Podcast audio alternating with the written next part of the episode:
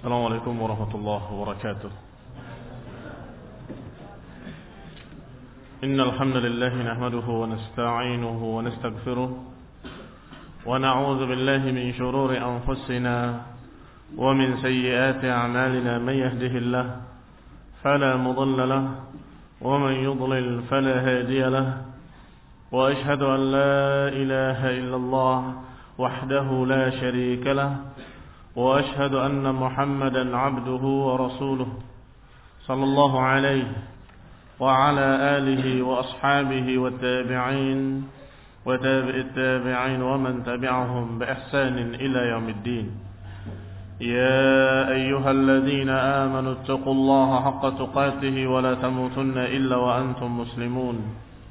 يا أيها الناس اتقوا ربكم الذي خلقكم من نفس واحدة وخلق منها زوجها وبث منهما رجالا كثيرا ونساء واتقوا الله الذي تساءلون به والأرحام إن الله كان عليكم رقيبا. يا أيها الذين آمنوا اتقوا الله وقولوا قولا سديدا. يصلح لكم أعمالكم ويغفر لكم ذنوبكم. ومن يطع الله ورسوله فقد فاز فوزا عظيما. أما بعد فإن خير الحديث كتاب الله وخير الهدي هدي محمد صلى الله عليه وعلى آله وسلم وشر الأمور محدثاتها فإن كل محدثة بدعة وكل بدعة ضلالة وكل ضلالة في النار Ikhwani fi din, a'azakumullah kaum muslimin yang saya hormati. Masih kita membahas tentang zakat al-qalb. Perkembangan hati dan kesucian hati. Dan sampai kita pada ucapan Ibnu Qayyim rahimahullah tentang faedah-faedah dari ghaddul basar. Faedah-faedah dari menundukkan pandangan mata dari yang haram.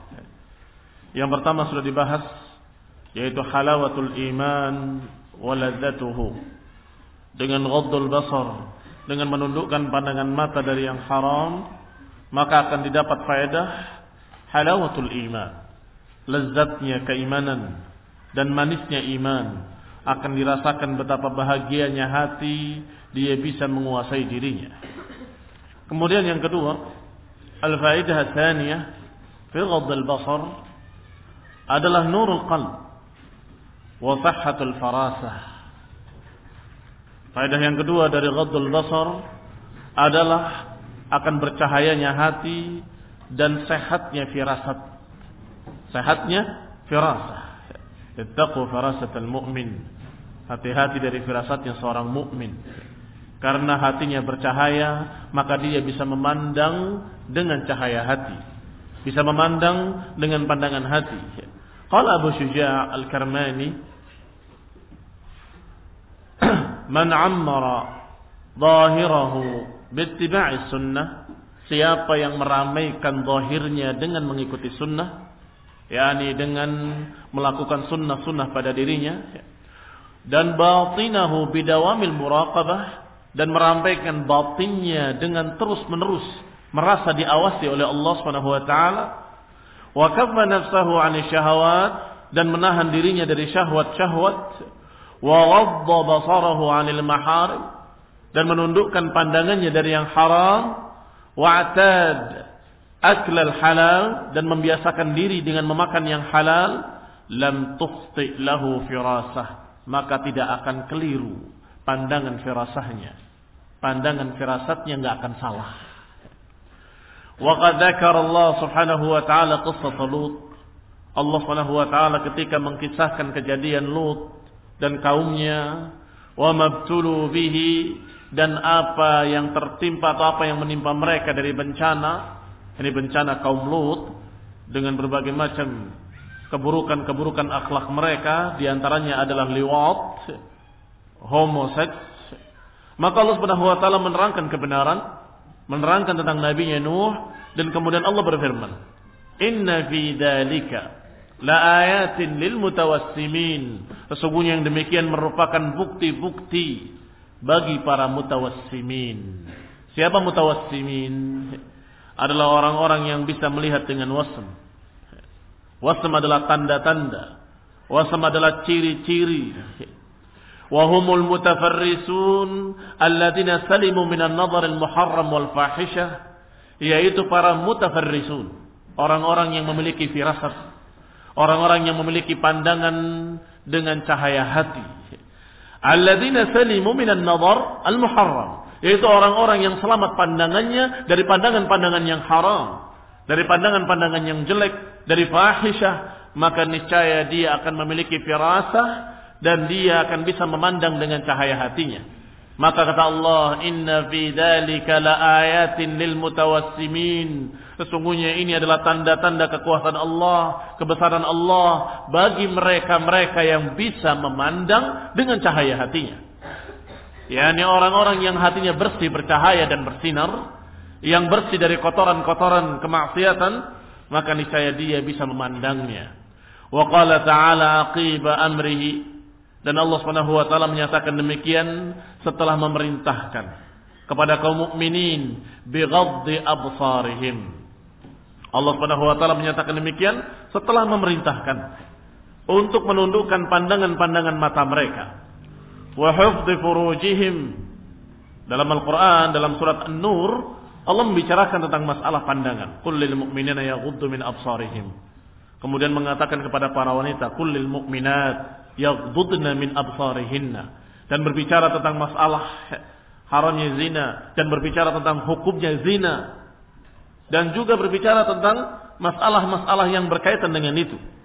Kemudian Allah Subhanahu wa taala menyatakan dalam satu ayat khusus, Allahu nurus samawati wal ard, mathalu nurihi kamishkatin fiha misbah, al-misbahu fi zujajah, az-zujajah ka'annahu kawkabun من yuqadu min لا mubarakatin la syarqiyatin تكاد زيتها يضيء ولو لم تمسسه نار نور على نور يهدي لنوره Allah gambarkan bahwa Allah Subhanahu wa taala adalah cahaya di atas cahaya digambarkan betapa terangnya sampai Allah katakan yahdi linurihi Allah berikan bimbingan dengan cahayanya kepada siapa-siapa yang dikehendakinya.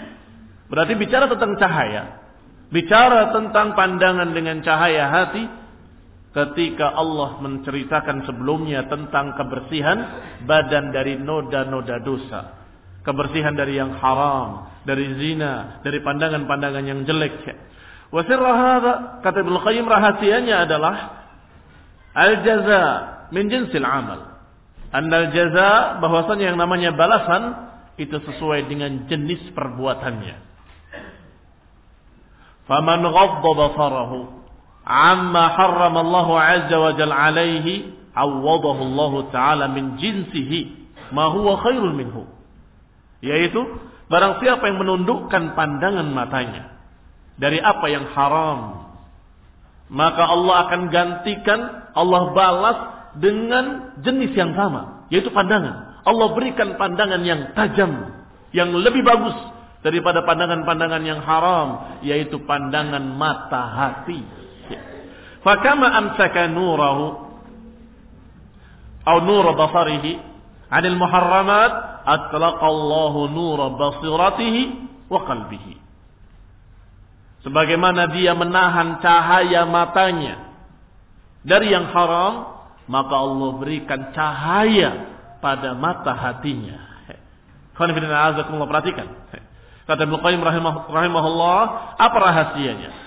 Kenapa kalau Allah ketika berbicara masalah zina, masalah menundukkan pandangan mata, setelah itu Allah katakan Allahu nuru samawati. Berbicara tentang nur, berbicara tentang cahaya Allah dan berbicara siapa-siapa yang diberi oleh Allah cahaya. Rahasianya kata beliau yang terkandung di balik ayat-ayat tadi adalah bahwa Allah Subhanahu wa taala akan membalas Kebaikan min jinsil amal. Al jaza'u min jinsil amal.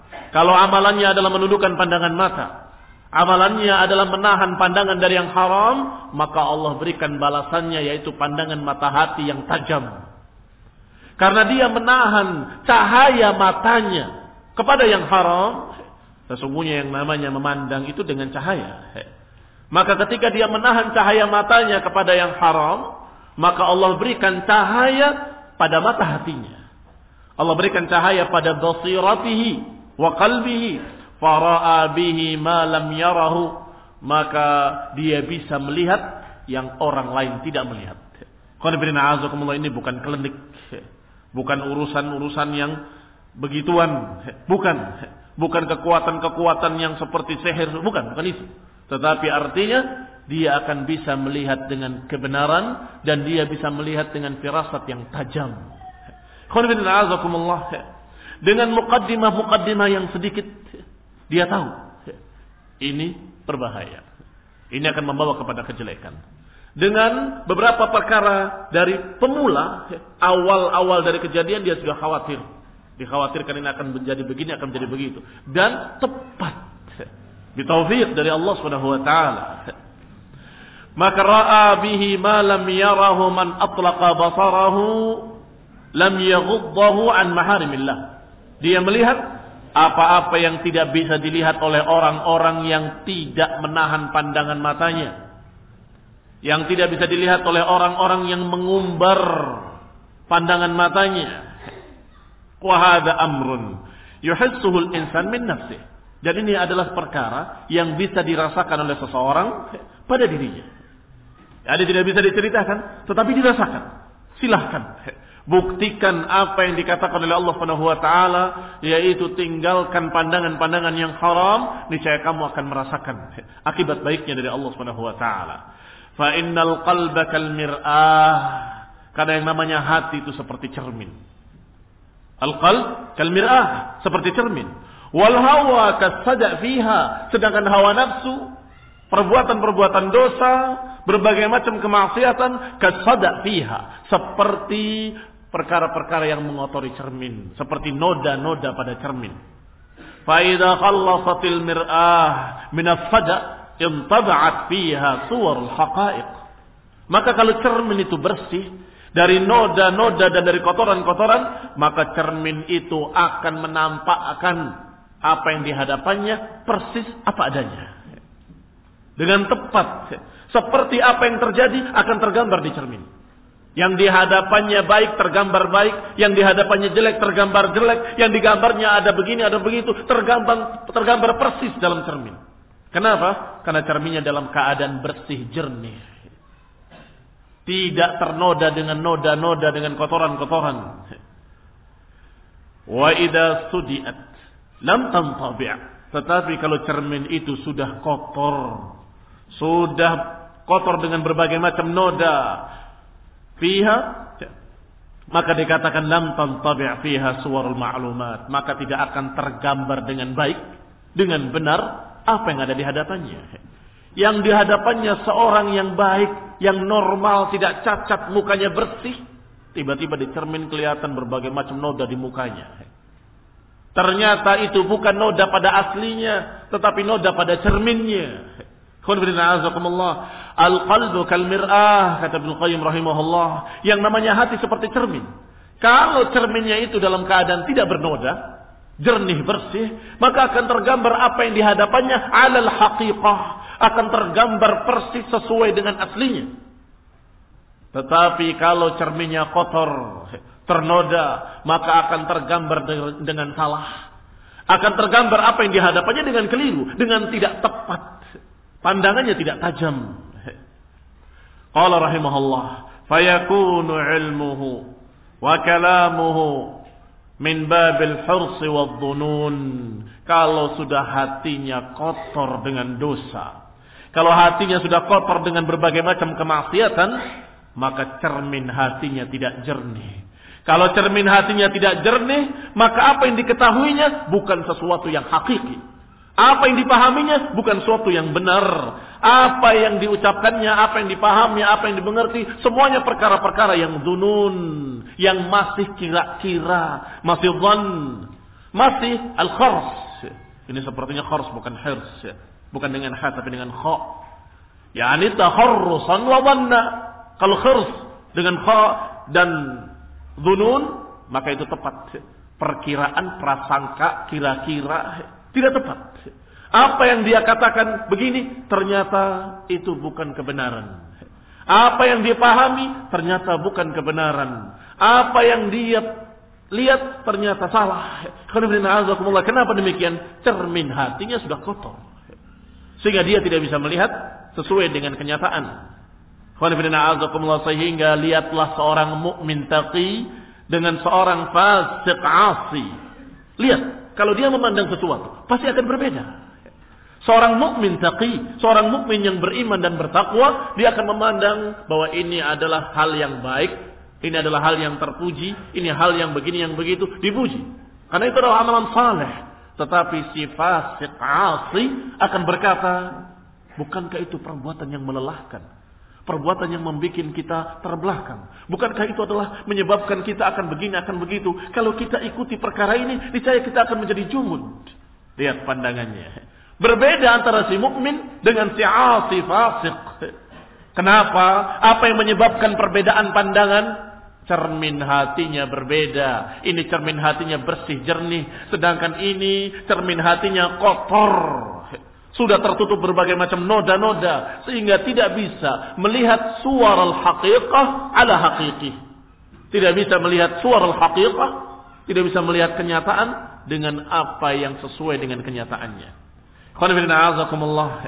Berarti di sinilah balasan Allah Subhanahu wa taala yang baik di dunia Apalagi di akhirat yang Allah persiapkan nanti di jannah bagi mereka-mereka yang menjaga dirinya.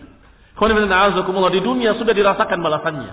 Allah akan menjadikan pandangannya tajam. Dan hatinya bisa memandang dengan pandangan yang tajam. Cermin hatinya bisa melihat dengan jernih.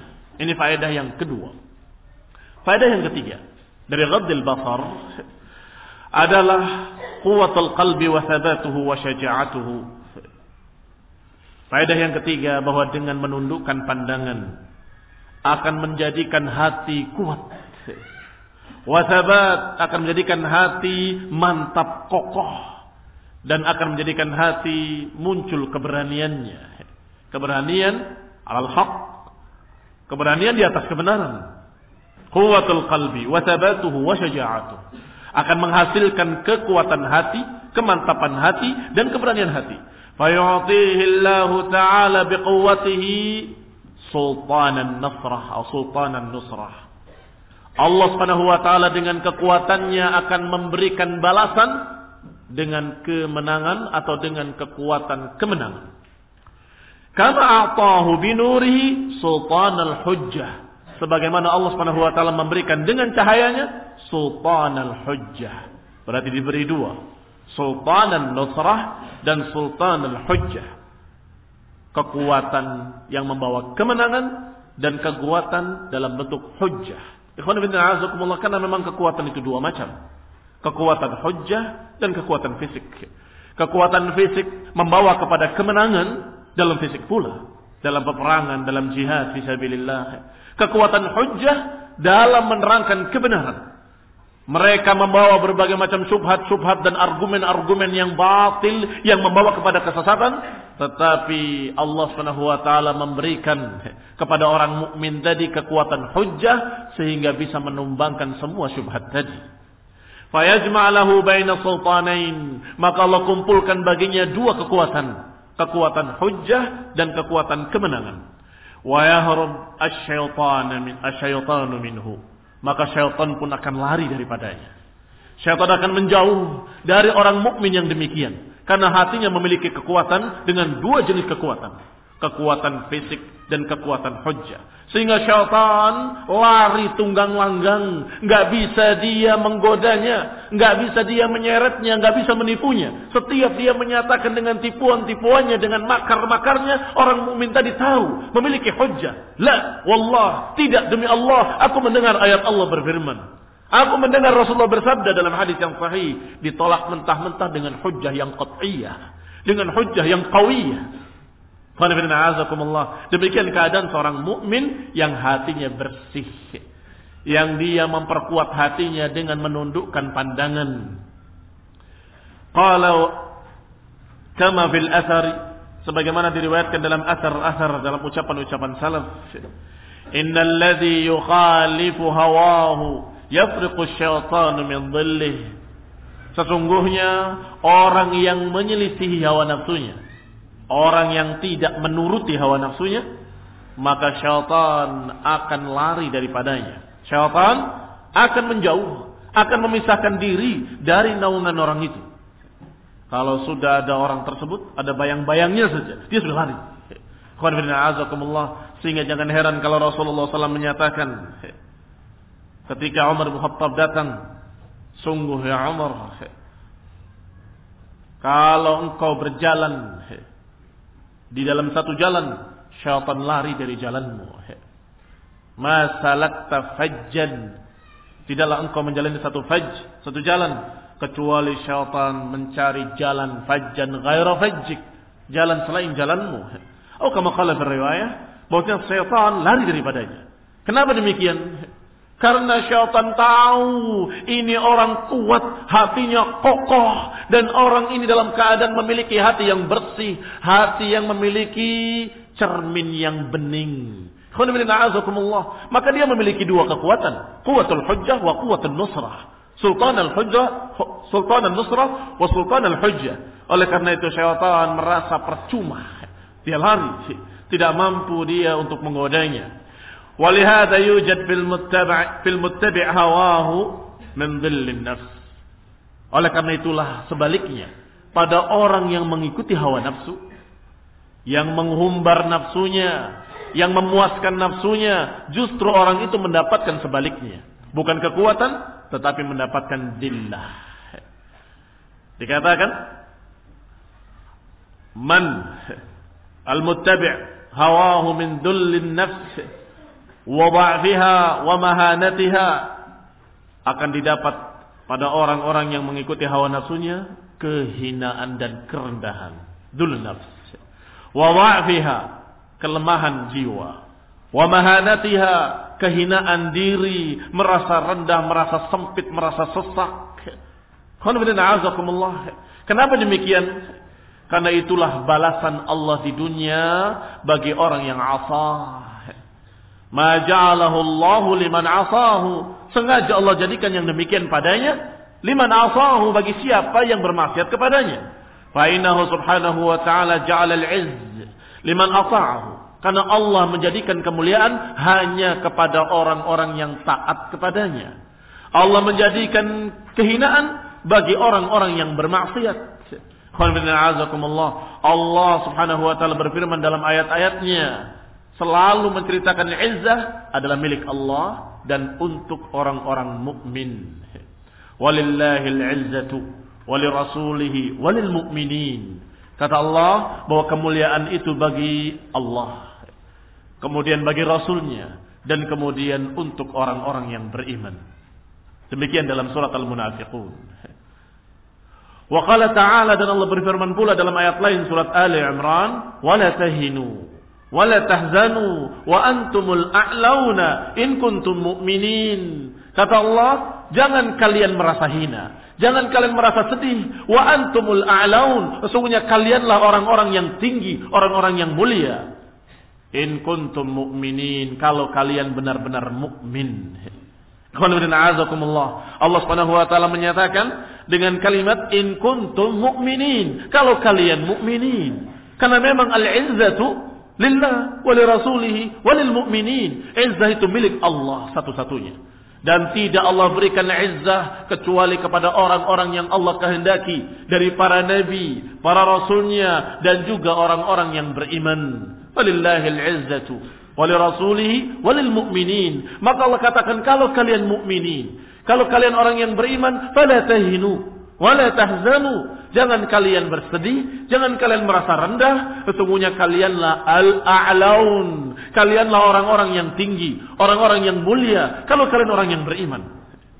Wa qala ta'ala dan juga Allah berfirman, "Man kana yuridul 'izzah falillahil 'izzatu jami'an." Barang siapa yang menginginkan izzah, barang siapa yang menginginkan kemuliaan, maka sesungguhnya kemuliaan itu hanya bagi Allah Subhanahu wa taala. Kemuliaan itu hanya milik Allah Azza wa Jal. Maka barang siapa yang ingin memiliki izzah, memiliki kemuliaan, maka berharaplah dari Allah. Berharaplah dari Allah dengan cara mentaati Allah. Dengan cara dia tunduk pada perintahnya. Menjalani hukum-hukumnya. Di antaranya ghaddul basar. Di antaranya menundukkan pandangan mata. Sehingga ketika orang itu mentaati perintah Allah. Menundukkan pandangan matanya. Maka hatinya semakin mulia. Semakin taat kepada Allah, semakin kuat hatinya. Semakin taat kepada Allah, semakin kokoh, kuat. Demikian keadaan hati seorang mukmin.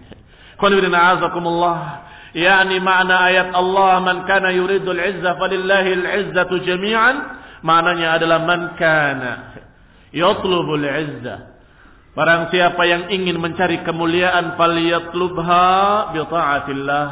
Hendaklah mencarinya dengan ketaatan kepada Allah. Banyak manusia yang mencari kemuliaan dengan harta, tapi dia tidak mendapatkan kemuliaan, tapi justru sebaliknya, dia mendapatkan kehinaan. Kenapa kehinaan? Dia menjadi budak dunia. Dia menjadi orang yang diperbudak oleh hartanya, dibelenggu lehernya, dalam keadaan dicocok hidungnya, diseret ke mana pun dunia mau berjalan. Dunia ke sana dia ikut, dunia ke sini dia ikut. Dia tidak punya prinsip, dia tidak punya sama sekali pegangan. Kalau ditanya apa prinsipmu, pokoknya apa yang laku dijual. Karena dia ahlu dunia. Apa yang laku dijual, dia agama pun dia akan jual. Apakah dia mulia? Sungguh betapa rendahnya. Inna syarrad dawab. Sesungguhnya yang paling hina dari makhluk yang melata di muka bumi adalah summun bukmul ladina la yaqilun. Adalah orang yang buta, tuli, bisu dan tidak mau menggunakan akalnya. Siapa? Orang-orang kafir yang tidak mau kenal agama. Orang-orang yang hanya dunia dengan dunia ada pula yang ingin kemuliaan. Tetapi dengan cara mencari jabatan. Berebut untuk mencari kedudukan. Apa yang terjadi? Apakah dia menjadi mulia? Demi Allah, dia menjadi terhina. Dia menjadi rendah. Betapa rendahnya orang-orang yang menjadi budak-budak dunia, budak-budak kedudukan. Kata Allah subhanahu wa ta'ala dalam Al-Quran. Wahai kaum muslimin, ini kitab kalian. Kitab Allah yang diturunkan untuk kita dan kalian wahai kaum muslimin. Kata Allah, "Man kana yuridul izzata falillahil izzatu jami'an." Barang siapa yang ingin kemuliaan, sesungguhnya kemuliaan milik Allah seluruhnya. Tidak akan bisa didapat kecuali dari Allah. Enggak akan bisa kamu mencapai kemuliaan kecuali kalau Allah kehendaki. Maka carilah dari Allah dengan mentaatinya. Carilah dari Allah dengan tunduk kepadanya bil kalimat tayyib dengan ucapan-ucapan yang baik wal amal saleh dengan amalan-amalan yang saleh maka akan didapatkan kemuliaan dari Allah Subhanahu wa taala. Wa qala ba'd salaf berkata sebagian para salafus saleh radhiyallahu alaihim an-nas yatlubuna al-'izz bi abwabil muluk. Betapa banyak manusia mencari kemuliaan di pintu-pintu para penguasa. Mencari kemuliaan dengan mendatangi tokoh-tokoh penguasa di pintu-pintu mereka. Walayajiduna. Tetapi mereka tidak mendapatkan kemuliaan itu. Dia inginnya kalau dekat dengan penguasa saya akan jadi mulia. Kalau dekat dengan sipulan-sipulan, para pembesar, niscaya saya akan menjadi mulia. Kalau saya dekat dengan konglomerat tersebut, niscaya saya akan ikut ikut gembira atau ikut bahagia atau ikut menjadi mulia bersamanya, dimuliakan oleh manusia. Ternyata ketika dia datang kepadanya dia tidak mendapatkan apa pun kecuali sebaliknya. Al jaza'u min jinsil amal. Balasan itu sejenis dengan amalannya. Amalannya adalah merengek-rengek dari selain Allah. Ingin mendapatkan kemuliaan, justru Allah balas dengan ditimpakan kehinaan. Rendah, dihinakan, direndahkan, wala illa fi. Ternyata mereka tidak mendapatkannya kecuali dengan ketaatan kepada Allah. Para imam-imam ahlus sunnah. Mau dikatakan kaya bukan orang kaya. Mau dikatakan dia adalah pejabat bukan pejabat. Tetapi kenapa? Dimuliakan. Dimuliakan oleh sekian banyak manusia. Sepanjang masa. Bukan hanya di masanya. Sepanjang masa. Beda dengan kekuasaan semu atau kemuliaan semu yang sesaat sepertinya dimuliakan. Tetapi begitu jatuh dia dari kekuasaannya, dia dicemooh, diinjak-injak, dicaci maki dan terus diceritakan kejelekannya sepanjang masa. Hidupnya cuma satu tahun, dua tahun atau sekian tahun menguasai. Dan seakan-akan dimuliakan. Kata siapa itu dimuliakan? Semua rakyatnya dalam keadaan mencercanya dalam hatinya. Dan menunggu-nunggu saat jatuhnya. Mudah-mudahan cepat jatuh. Karena tidak mencarinya dari Allah. Mencarinya bukan dari Allah subhanahu wa ta'ala. Maka dia dalam keadaan tidak mendapatkan kecuali kerendahan. Setelah itu jatuh direndahkan oleh mereka sepanjang masa. Sebaliknya para imam, imam ahlu sunnah tidak mencari kemuliaan dari mereka. Dan tidak ingin untuk dipuji. Amalannya ikhlas karena Allah. Mengajarkan ayat demi ayat, hadis demi hadis karena Allah. Mereka membimbing umat ke jalan yang lurus, ikhlas karena Allah. Tidak mengharapkan balasan di dunia, tidak mengharapkan balasan-balasan dari harta benda, apalagi kemuliaan, kedudukan dan jabatan. Tidak. Sampai diminta oleh penguasa, wahai Imam Malik. Bagaimana kalau kitabmu Al-Muwatta kami jadikan sebagai undang-undang negara. Kami jadikan sebagai ahkam rasmiyah di negara. Kata Imam Malik, jangan. Aku khawatir masih ada ilmu-ilmu yang aku belum ketahui dan masih ada kebenaran yang di selain kitabku. Tidak mau. Bukan kemudian bangga. Tidak mau. Khawatir. Karena aku merasa mesti memiliki kekurangan-kekurangan. Dan kitab yang aku tulis tidak terkumpul padanya seluruh kebenaran. Masih ada kebenaran-kebenaran di selain kitab. Dan demikian banyaknya para ulama yang justru lari dari jabatan. Sampai dikejar ke sana kemari. Dicari ke mana mereka, ke mana dia untuk dijadikan sebagai pejabat, sebagai hakim, sebagai qadhi, tetapi mereka lagi khawatir, bukan bangga mendapatkan jabatan, tapi menghindar. demikian para ulama, tapi toh mereka tetap mendapatkan kemuliaan dari Allah Subhanahu wa taala. Bahkan kemuliaan yang hakiki karena terus menerus Kemuliaan itu akan tetap di dunia padahal orangnya sudah tua rahimahullah, sudah meninggal, sudah dikubur rahimahullah, tetapi terus disebut-sebut. Ucapannya terus disebut-sebut. Kemuliaannya terus diceritakan sepanjang masa. Ikhwan ibn a'azakumullah karena mereka mendapatkan dari Allah Subhanahu wa taala kemuliaan yang hakiki. Man ata'a man Allah barang siapa yang taat pada Allah Subhanahu wa taala, azzahu Allah. Allah akan muliakan dia. Wa man asahu dan barang siapa yang bermaksiat kepadanya, ahanahullah. Allah akan hinakan dia. Sebagaimana dikatakan oleh para ulama dari kalangan salaf. Siapa yang taat pada Allah, Allah muliakan. Dan siapa yang bermaksiat kepadanya, Allah rendahkan. Dikatakan oleh Al-Hasan, wa in hamlajat bihimul baradin wa taqtaqat bihimul bighal inna dhullal ma'siyah la fi qulubihim walaupun hamlajat bihimul baradin walaupun tok-tokat bihimul bighal yani walaupun dia dituruti walaupun dia memakai pakaian yang mewah walaupun dia dituruti oleh semua pegawainya oleh semua anak buahnya walaupun keledainya bighalnya tunduk kepadanya tetapi maksiat yang ada dalam hatinya tetap membawa kehinaan dan kerendahan pada dirinya Aballahu azza wa jal illa an yadil, an yadil, atau yudilla man asah. Dengan zal ini bukan dengan dal, dengan titik semestinya. Yang kurang titik ditambah titik. Aballahu azza wa jal illa an yudilla man asah. Maka Allah tetap. Allah menolak kecuali untuk merendahkan siapa yang bermaksiat kepadanya. Wadhalika anna man ata Allah Ta'ala faqad walahu. Yang demikian karena siapa yang taat kepada Allah, berarti Allah Subhanahu wa taala menjadi wali.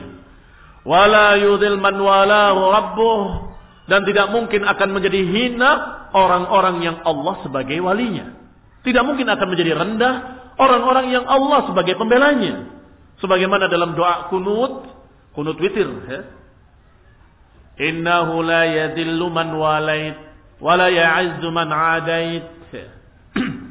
Qul bin a'azakum dalam doa kunut, Allahumma dina fi man hadait wa afina fi man afait. Di antaranya disebutkan kalimat innahu la yadhillu man walait. Sesungguhnya enggak akan menjadi rendah siapa yang engkau ya Allah menjadi walinya. La yadhil, enggak akan menjadi rendah. Man walait siapa-siapa yang engkau ya Allah menjadi walinya, yang engkau membelanya, yang engkau menjadi pelindungnya, maka orang itu enggak akan menjadi rendah. Sebaliknya, wala ya'izzu man adait. Dan enggak akan menjadi mulia orang-orang yang kau musuhi ya Allah. Enggak akan menjadi mulia orang-orang yang kau benci, orang-orang yang engkau memusuhinya, yakni ahli maksiat, orang-orang kafir, orang-orang yang menentang Quran dan sunnah, orang-orang yang menentang tauhid dengan kesyirikan, orang-orang yang menentang ajaran Nabi dengan ajaran-ajaran baru. La ya'iz, tidak akan menjadi mulia orang-orang yang Allah musuhi mereka. Wal maqsud anna zakat al-qalbi mawqufah ala taharatihi. Dan maksud dari pembahasan tadi adalah bahwa hati perkembangannya, kesempurnaannya tergantung kebersihannya. Tiga faedah tadi dari ghaddun nazar atau ghaddul basar, faedah dari menundukkan pandangan mata adalah merasakan manisnya dan lezatnya iman. Yang kedua, hati menjadi kuat dan pandangan hati menjadi tajam. Sehingga orang yang demikian menunjukkan hatinya semakin sempurna karena pandangannya semakin tajam, berarti semakin sempurna. Hatinya semakin kuat, berarti semakin sempurna. Dan kalau hatinya dalam keadaan bisa merasakan lezatnya iman, berarti hati itu semakin sempurna, semakin sehat. Bisa merasakan dengan normal sebagaimana lidah ketika sehat merasakan dengan normal. Berarti ghadul basar tadi akan menjadikan hati semakin berkembang sempurna. Sedangkan ghadul basar merupakan taharah, taharatul qalb, merupakan pembersihan hati. Badan dibersihkan dengan mandi, dengan tahara, dengan berwudu, dengan membersihkan kotoran-kotoran dari tubuh, maka tubuh akan tumbuh sehat. Akan tumbuh dengan sehat. Demikian pula hati ketika dibersihkan dari pandangan-pandangan yang haram, dibersihkan dari pandangan-pandangan terhadap perkara-perkara yang dilarang oleh Allah, maka niscaya hati itu akan tumbuh dengan sehat, semakin kuat, semakin baik, semakin sempurna dan pandangan hatinya semakin tajam dan cermin hatinya semakin jernih, semakin jernih, semakin jernih. Berarti yang namanya zakah mauquf ala taharah. Perkembangan hati, kesempurnaan hati tergantung kesucian hati, kebersihan hati. Kama anda zakat al-badan mauqufah ala istifrazihi min akhlaqir radi'ah al-fasidah. Sebagaimana badan perkembangannya tergantung kepada bersihnya badan dari kotoran-kotoran jelek yang menempel padanya. Allah Ta'ala, Allah Subhanahu wa taala berfirman, "Walau la fadlullahi 'alaikum wa rahmatuhu ma zaka minkum min ahadin abadan." Kalau saja tidak kena fadilah dari Allah atas kalian, dan rahmatnya mazaka minkum min ahad. Maka niscaya tidak ada seorang pun dari kalian yang akan bisa menjadi zaki. Nggak akan bisa seorang pun dari kalian menjadi sempurna hatinya menjadi bersih hatinya nggak akan bisa. Kecuali dengan fadilah dari Allah. Walakin Allah yuzakki man yasha. Tetapi Allah lah yang menjadikan hati siapa yang dikehendakinya menjadi sempurna menjadi bersih Wallahu sami'un alim. Dan Allah subhanahu wa ta'ala maha mendengar, lagi maha mengetahui. Alhamdulillah berarti di sini kita mendapatkan dua makna zakah. Zakah dalam artian dia berupaya untuk membersihkan dirinya. Dan zakah dengan makna Allah membersihkan dia. Dan ini hubungannya sama dengan hubungan amalan dengan takdir. Apa hubungan amal salah dengan takdir? Hubungannya adalah ini usaha, Allah yang menentukan. Demikian pula masalah zakah tadi. Kita berusaha, Allah yang menentukan. Kita berusaha untuk membersihkan hati. Dengan apa? Dengan ketaatan-ketaatan. Dengan meninggalkan yang haram. Meninggalkan kemaksiatan. Menundukkan pandangan mata. Ini usaha untuk membersihkan hati. Tetapi Allah subhanahu wa pada hakikatnya yang menjadikan secara takdir hati menjadi bersih. Maka kata Allah, walaula fadlullahi kalau saja bukan karena fadilah dari Allah alaikum, ma zaka minkum min ahadin abadan. Kalau tidak karena Allah, nggak ada di antara kalian yang hatinya menjadi bersih seluruhnya. Nggak ada satupun kata Allah. Walakin Allah yuzakki man yasha. Tetapi Allah lah yang membersihkan hati siapa yang dikehendakinya. Dengan asbab yang Allah takdirkan. Allah akan membersihkan hati siapa yang dikehendakinya dengan asbab, dengan sebab-sebab yang Allah sudah takdirkan. Orang yang menjalani jalan kebaikan maka Allah bersihkan hatinya. Dzakara dzalika subhanahu wa ta'ala aqib tahrim az-zina wal qadhaf wa nikah zaniyah. Ayat ini masih dalam surat An-Nur. Yang sudah kita katakan tadi dalam surat An-Nur dibahas perkara-perkara yang berkaitan dengan zina, berkaitan dengan qadab, menuduh seseorang dengan tuduhan zina atau menikahi zaniyah. Apa hukumnya menikahi perempuan yang zaniyah, pezina, pelacur dan apa hukumnya laki-laki atau perempuan yang menikahi pasangannya dengan pasangan yang zaniyah? Ketika berbicara tentang ini, Allah katakan, kalau saja tidak karena fadilah dari Allah, nggak akan ada yang bersih di antara kalian.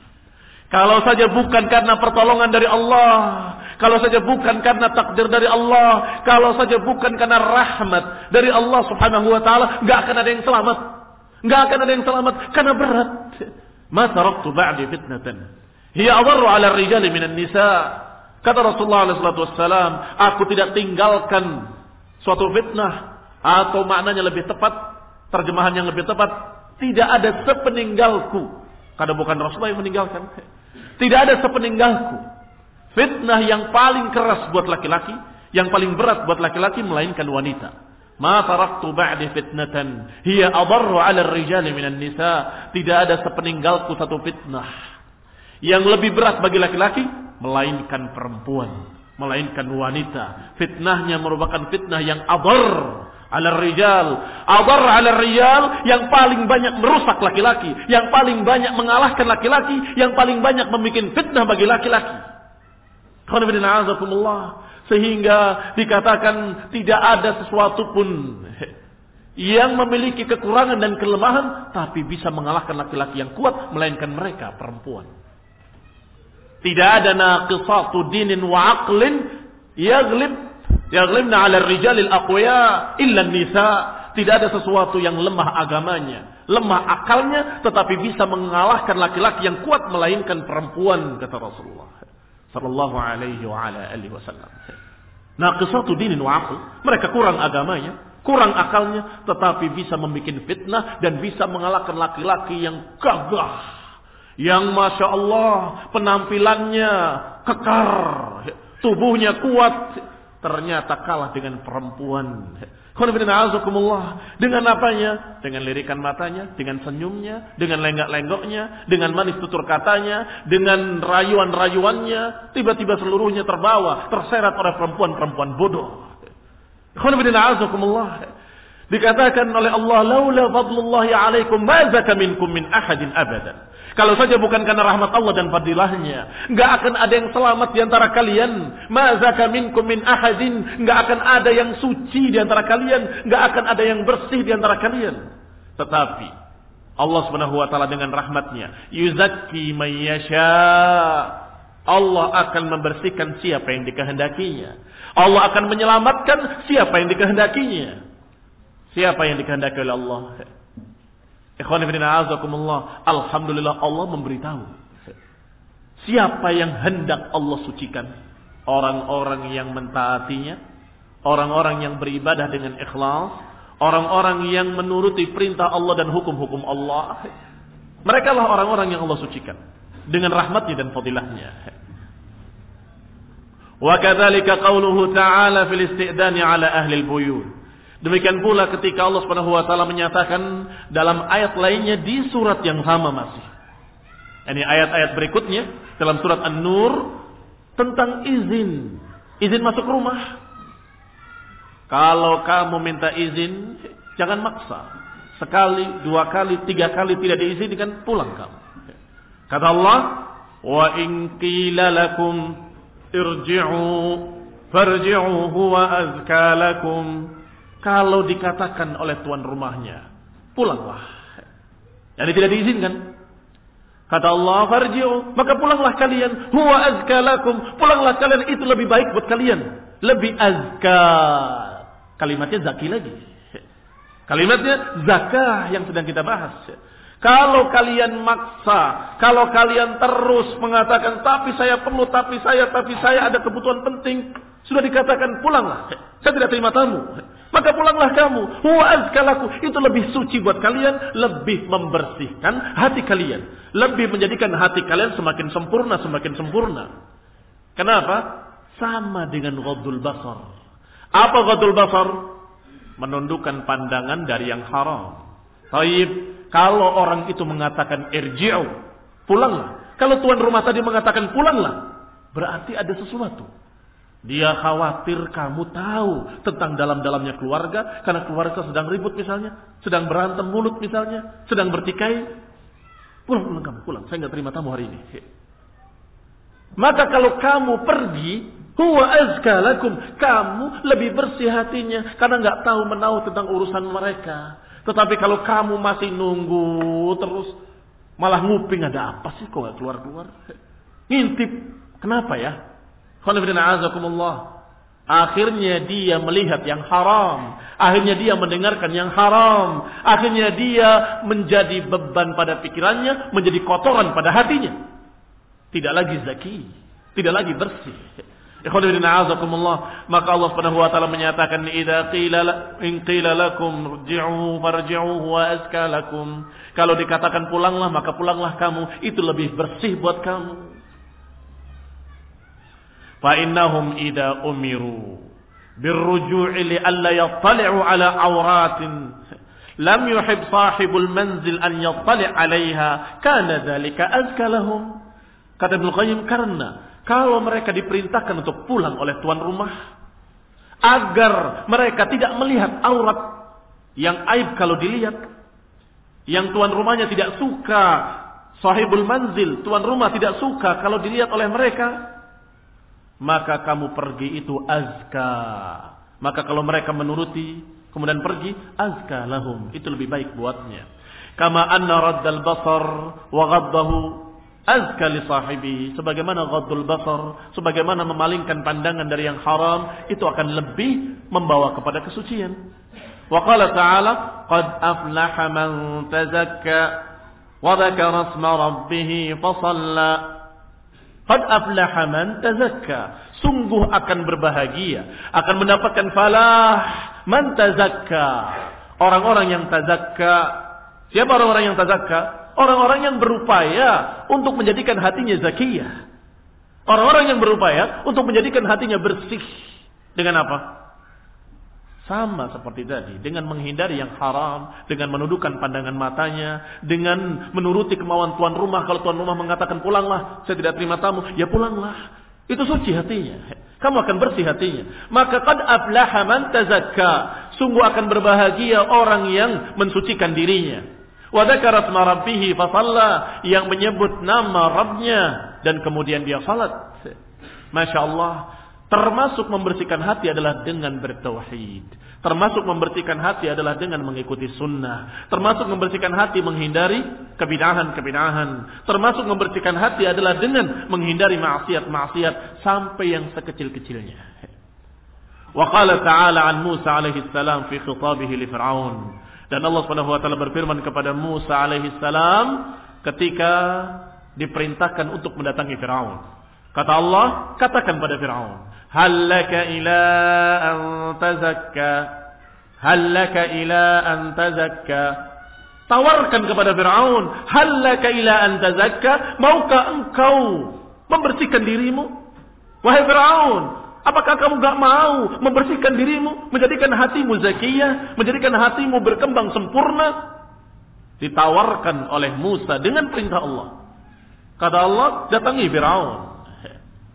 Wa lahu Katakan kepadanya dengan qaulan layyina la'allahu yatadhakkar aw yarda.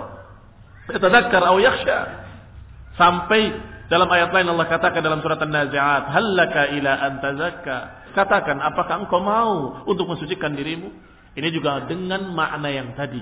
Berupaya untuk membersihkan dirinya dengan ketaatan, dengan keislaman, dengan tauhid, dengan mengikuti Nabi. Kemudian dikatakan pula oleh Allah Subhanahu wa taala dalam ayat lain. Wa wailul lil musyrikin alladzina la yu'tuna zakah. Celaka.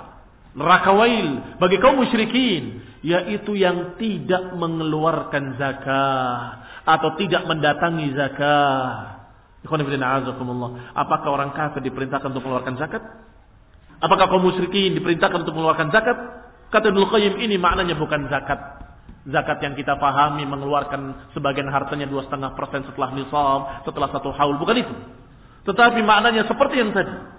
Apakah mereka orang-orang musyrikin itu tidak takut kalau mereka tetap dalam keadaan syirik, wailun lil musyrikin. Cerak, celaka, neraka wail bagi mereka. Karena mereka tidak mau mendatangi zakat. Tidak mau mendatangi kesucian hati, kebersihan hati.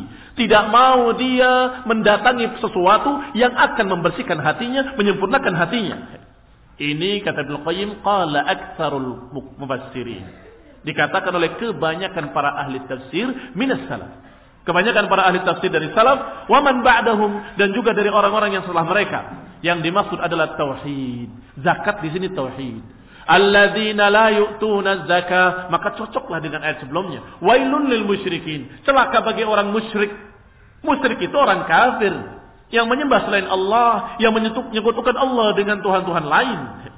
Kenapa kok ayat keduanya alladzina la yu'tuna zakah, yaitu yang tidak mengeluarkan zakat? Enggak pas. Maka maknanya bukan mengeluarkan zakat.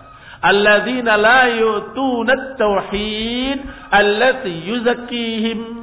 Tidak mendatangi tauhid yang akan memberikan zakat buat mereka. Tidak mendatangi tauhid yang akan membersihkan hati mereka, mensucikan hati mereka, menyempurnakan hati mereka. Demikian yang azakumullah. Maka dikatakan oleh Allah taala dengan kalimat halaka ila an tazakka atau dengan kalimat qad aflaha man tazakka ini dengan makna yang sama. Adapun ayat fala tuzakku anfusakum maka itu maknanya berbeda. Fala tuzakku anfusakum. Jangan kalian mensucikan dirimu sendiri. Tadi dikatakan akan berbahagia orang yang mensucikan dirinya. Tapi dalam ayat lain, fala tuzakku, jangan kalian sucikan dirimu sendiri. Lihat. Maknanya berbeda yang tadi dengan yang ini. Akan dibahas insya Allah pada kajian mendatang. Secara ringkas saja. Bahwasanya kalau yang dipuji adalah siapa yang berupaya untuk mensucikan dirinya, dipuji. Qad aflaha man. Dan ditawarkan kepada orang-orang kafir pula. Halaka ila an. Maukah engkau mensucikan dirimu? Ini dengan mana? Berupaya untuk mensucikan dirinya dengan tauhid, dengan sunnah, dengan amalan saleh, dengan menghindari yang haram dan seterusnya. Adapun fala tuzakku anfusakum maknanya jangan kabarkan tentang dirimu bahwa kamu suci. Jangan beritakan pada orang lain dengan bangga saya suci, saya bersih, jangan. Ini yang haram. Jadi yang haram fala tuzakku anfusakum yakni jangan kalian mengaku-ngaku sok suci. Saya kan begini, saya kan begitu. Bukankah saya bersih? Bukankah saya suci? Bukankah ini enggak boleh? Fala tuzakku anfusakum. Jangan kalian sok suci, merasa dirimu suci. Kamu jangan memikirkan hal-hal yang baik pada dirimu, tapi justru pikirkanlah hal-hal yang jelek agar kamu bertaubat kepada Allah, takut kepada Allah. Bukankah tidak ada satu orang pun yang selamat dari dosa? Bukankah tidak ada seorang pun yang selamat dari kesalahan? Fala tuzakku anfusakum. Maka kalian jangan sombong merasa suci. Perhatikan perbedaan makna ini dengan makna yang tadi. Assalamualaikum warahmatullahi Subhanakallahumma bihamdik. Asyhadu an la ilaha illa wa atubu warahmatullahi wabarakatuh.